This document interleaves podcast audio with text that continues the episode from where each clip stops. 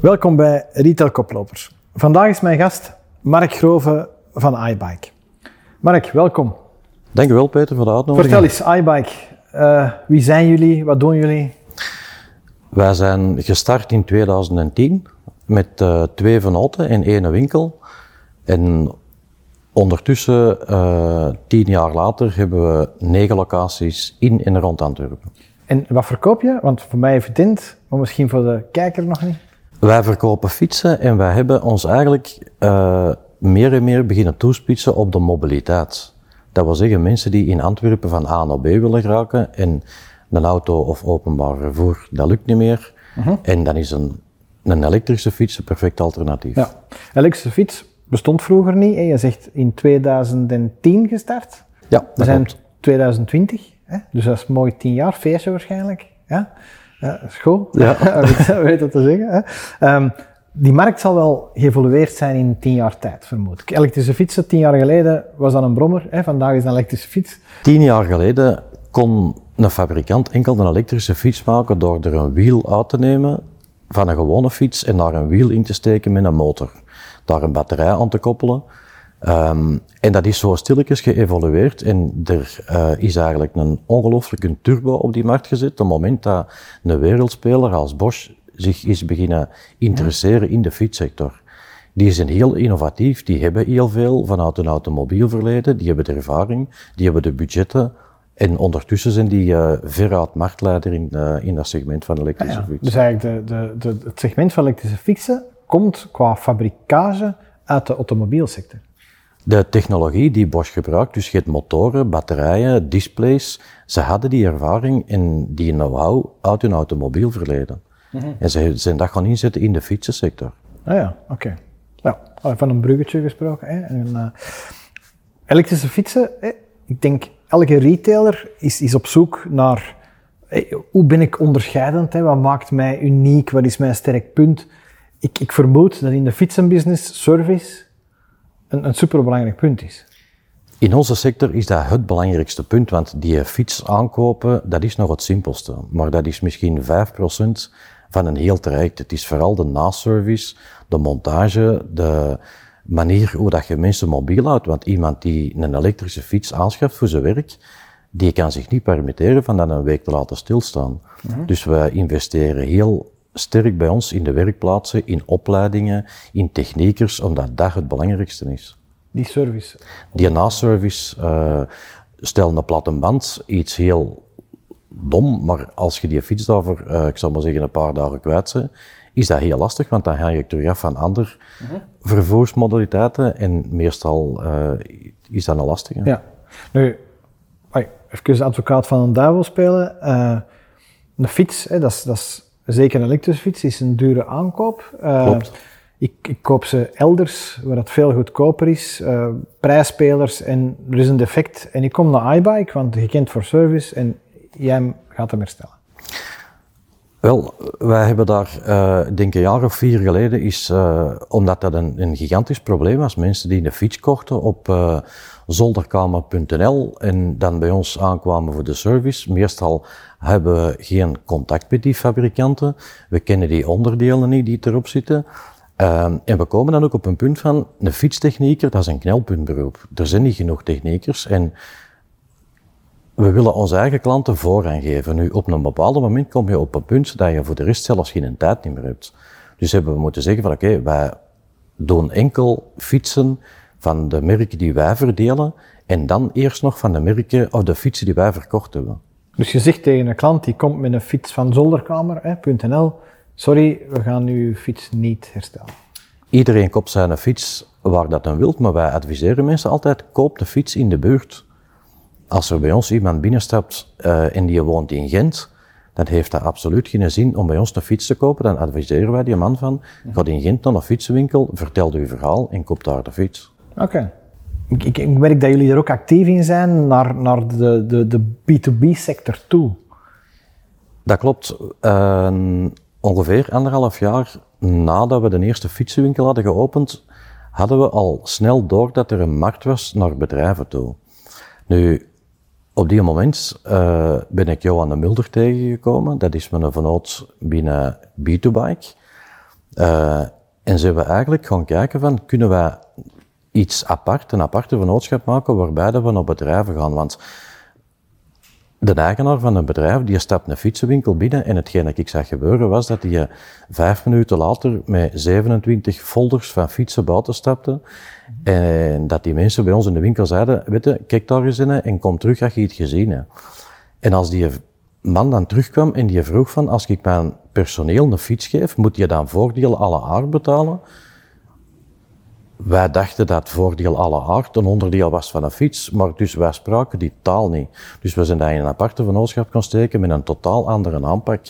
En dan kom je in bedrijven dikwijls in HR-omgeving. Mm Wij spreken geen HR-omgeving. Wij kennen elk onderdeeltje van een fiets en alle ja. uh, techniciteiten die erbij horen. Maar dus dat is apart gegaan en ondertussen uh, zijn wij in België marktleider met B2Bike. Oké. En die fietsen worden dan geleverd door iBike? Of door anderen? Of? Toen dat we ermee startten, dat was een nieuwe markt. Dus we konden ook niet uh, ergens over de haag gaan kijken voor te zien van hoe doen ze dat ergens anders, want dat bestond niet. Dus het eerste bedrijf wat dat heel succesvol was, dat was Atlas Copco. En dat hebben we enkel met iBike gedaan. Nu, na een tijd evolueert die markt en wij hebben ook niet alle merken en wij zijn ook niet de enige fietsenwinkel in Antwerpen en we zijn daar andere fietsenwinkels gaan bij betrekken. Nu kan je denken van, ja, dat is een concurrent, een andere fietsenwinkel in Antwerpen, maar wij bekijken dat meer als een collega. Als wij een merk bij iBike niet hebben en die klant wil dat merk, mhm. dan zou het redelijk arrogant zijn om tegen die klant te zeggen, ja, sorry, maar je moet bij ons een fiets kopen. Dus uh, ondertussen zijn we in Antwerpen met verschillende winkels. We hebben een goede band met elkaar. We helpen elkaar wat er nodig is en we bekijken elkaar zeker niet als concurrent. Ik denk dat wij heel aanvullend zijn en dat is een meerwaarde voor iedereen. En wij verliezen wel eens een fiets aan een collega, mm -hmm. maar evengoed winnen we er maar geen ene. Ja, maar dat is een redelijk toch uitzonderlijk standpunt. Ik, ik, hoor dat weinig dat je, dat je ik, ik hoor je ook op social media gewoon uh, reclame maken voor collega's. Van zeggen van kijk, dat merk goed gedaan, uh, evolutie. Dat is toch, je ziet dat niet veel. Maar er zijn fantastische fietsenwinkels in, uh, in, in heel Vlaanderen eigenlijk. En zelfs fietsenwinkels die klein zijn, die zijn, er zitten echt gepassioneerde mensen achter die fietsenwinkels. En dat is niet onze concurrent. -hmm onze concurrentie, die komt ergens uit een heel andere hoek. Dus een fietsenwinkel, een andere fietsenwinkel, ik beschouw dat als een collega. En ik merk dat wij elkaar verder helpen. Ik bedoel, wij hebben een fietsjes niet, terwijl dat onze collega fietshandelaar die wel staan, die fiets wordt dan doorgeleverd. Dus eigenlijk is daar, uh, wordt daar heel uh, professioneel mee omgegaan. Oké. Okay. Heb je waarschijnlijk een ander standpunt van als ze fietsen verkopen in een Aldi en in de doe-het-zelf-zaak? Hoe, hoe zie je daarnaar?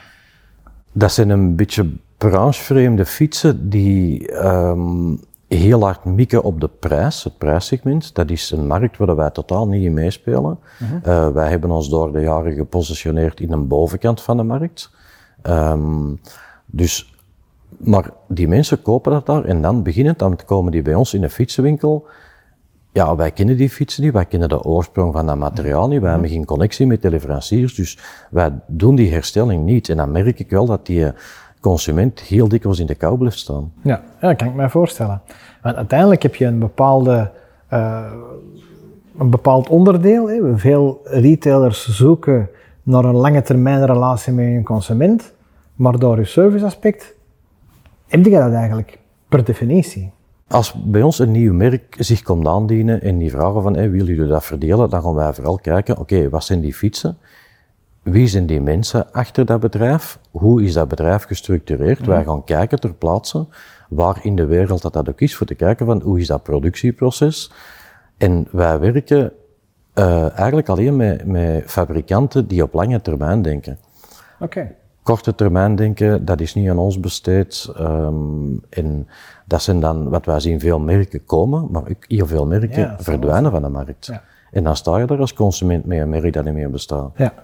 Heb je, heb je, worden er nog fietsen in België gemaakt?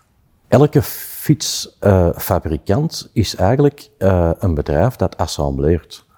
Dus in België wordt er niks gemaakt. Er werd zelfs tot onlangs in, eh, in Europa zelfs geen fietskader meer gebouwd. Maar ehm, een merk koopt al zijn onderdelen. Ja. En gaan die onderdelen samenvoegen Ja, tot... en die assembleren die onderdelen tot een fiets. Ja. En dat gebeurt nog wel in België? Norta bijvoorbeeld, een Belgische fabrikant, uh, zitten in Olen.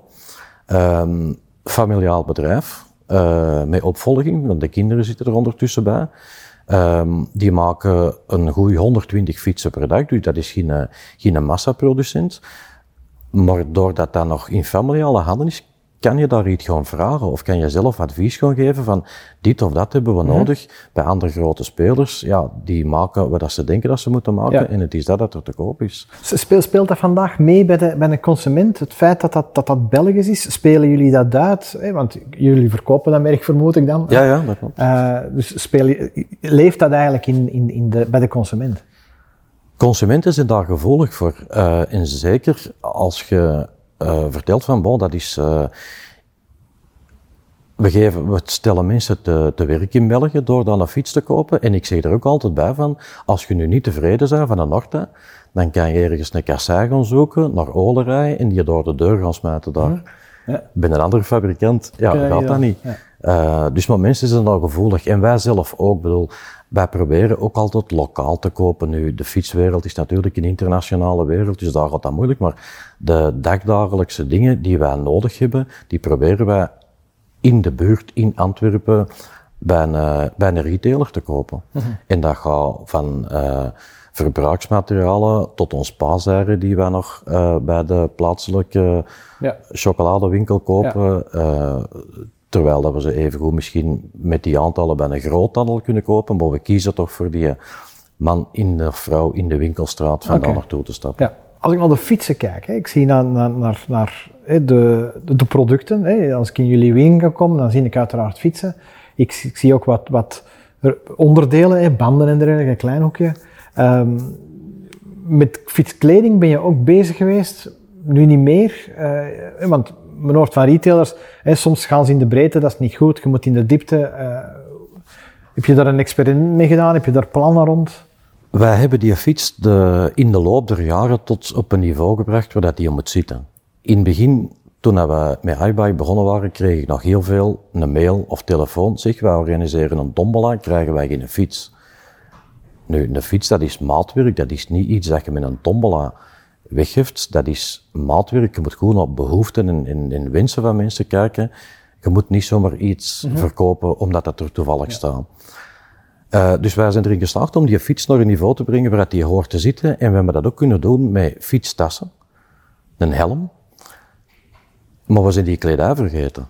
Mm. En we zijn dan intern bij, bij ons beginnen denken van oké, okay, hoe, hoe, moeten we dat doen? Nu, we hadden al de ervaring in een tijd met bakfietsen en cargofietsen. We hadden die op een dag in één winkel verzameld. En vanuit die andere winkels stuurden wij mensen specifiek voor dat naar de ene winkel. Dat was een enorm succes, omdat mensen konden daar alles testen, alles zien, ja. alles uh, bekijken. En we hebben dat een paar jaar later gedaan met vouwfietsen. Dus een plooifiets, dat we die op één locatie hadden gezet. Um, maar na een tijd kwamen we er achter, mensen reden op duur fietsen, met duurtassen, een dure helm. En kledij, waar dat wij van dachten van, Oei. ja, na twee minuten fietsen zitten precies in een sauna, want dat ademt niet. Uh, dus ze hebben gaan denken van, oké, okay, we moeten daar ergens iets mee gaan doen, apart van een fietsenwinkel. Want ons jongens in de winkel, die kennen alles van een tandwiel en schijfremmen. En dan had hij nog een helm en een tas en allemaal graag gedaan. Maar dan kwam de on die kledij en dan zag die jongens denken van, Oh nee. Dan moet ik dat nog verkopen. Dan moet ik hier nog een jas gaan passen en dan gaat hij naar mij vragen, sta ik er goed mee? En dan moet ik zeggen ja, terwijl dat je denkt van ja, dat trekt op niks. Dus uh, we hebben nu een apart concept en dat lag eigenlijk klaar uh, in februari. Uh -huh. En toen kwam corona en dan hebben we dat project even on hold gezet. Nu, vanaf 12 september hebben we een aparte locatie met iemand die gespecialiseerd is in fietskledij. Oké. Okay die die taal ook spreekt en die ook weet van uh, dat past, dat past niet. Ja, dus binnenkort open, opening. Ja. Uh, Oké, okay, fantastisch. Ik heb dat daarna, daarnet het woord al even genoemd, hè. we willen dat niet te veel zeggen. Um, het is een, een, een, een turbulente periode geweest. Um, in de fietsensector heeft dat ook een impact gehad? Zie je dat het koopgedrag van de consument veranderd is? Uh, voor en na uh, ander type fietsen? Ik weet niet. Uh...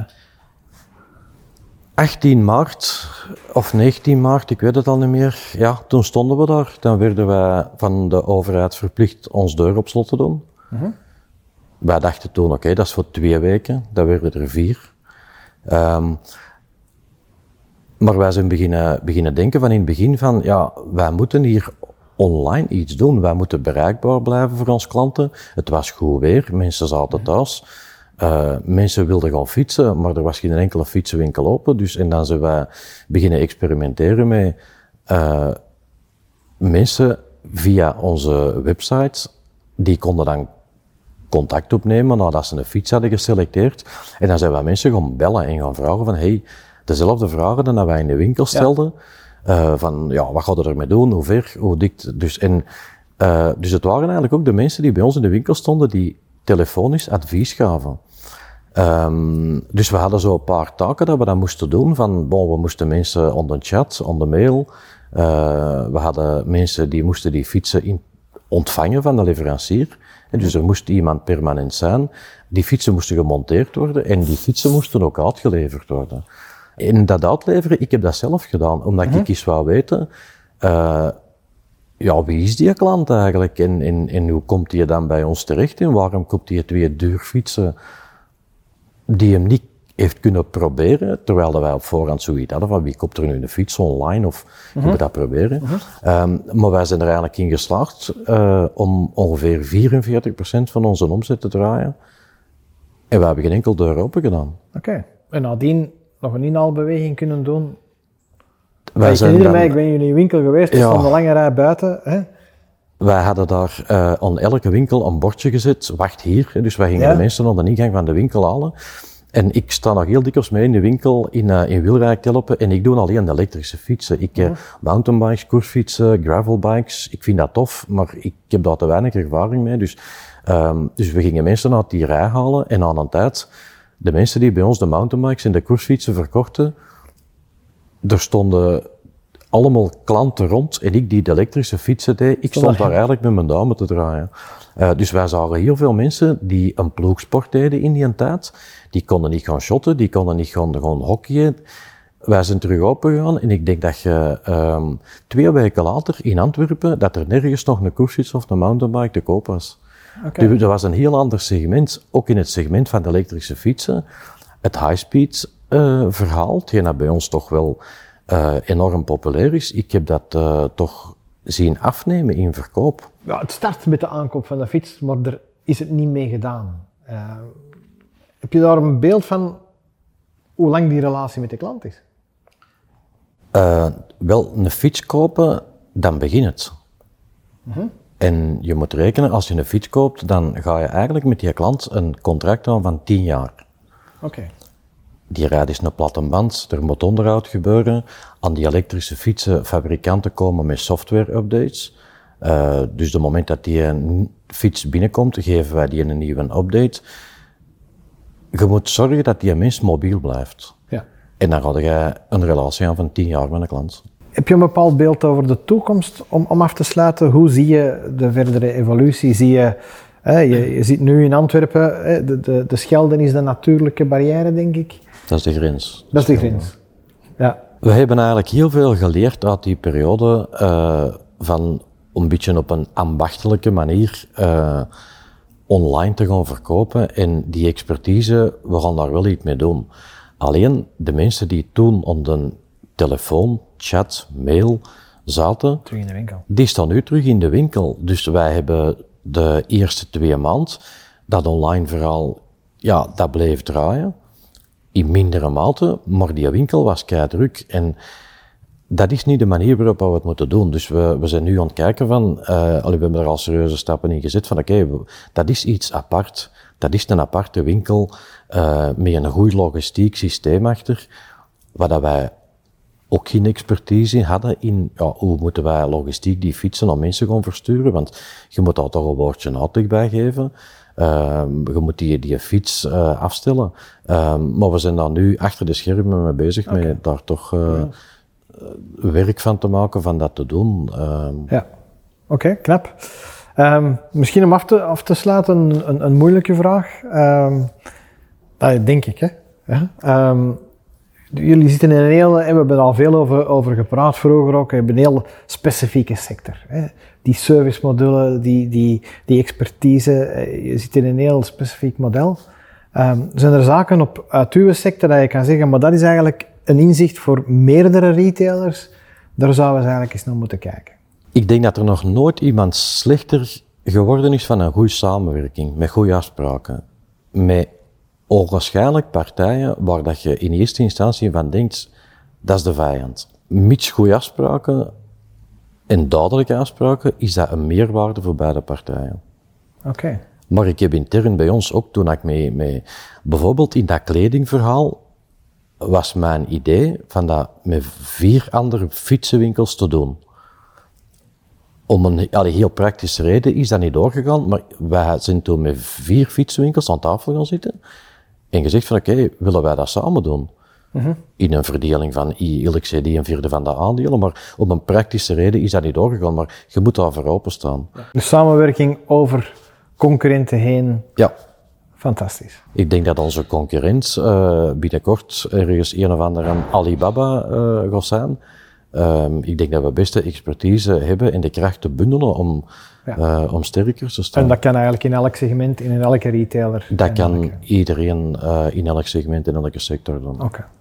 Goed, dat lijkt mij een mooi moment, eh, een mooie boodschap om, om, om af te sluiten. Merci voor de, voor de inzichten en, en een beetje een inzicht in, in hoe dat die wereld van de fiets in elkaar zit. Dank u wel dat ik je dat eh, mag komen vertellen. Nog veel succes in, in de verdere groei. Komt goed, dank u wel. Merci hè. Jo.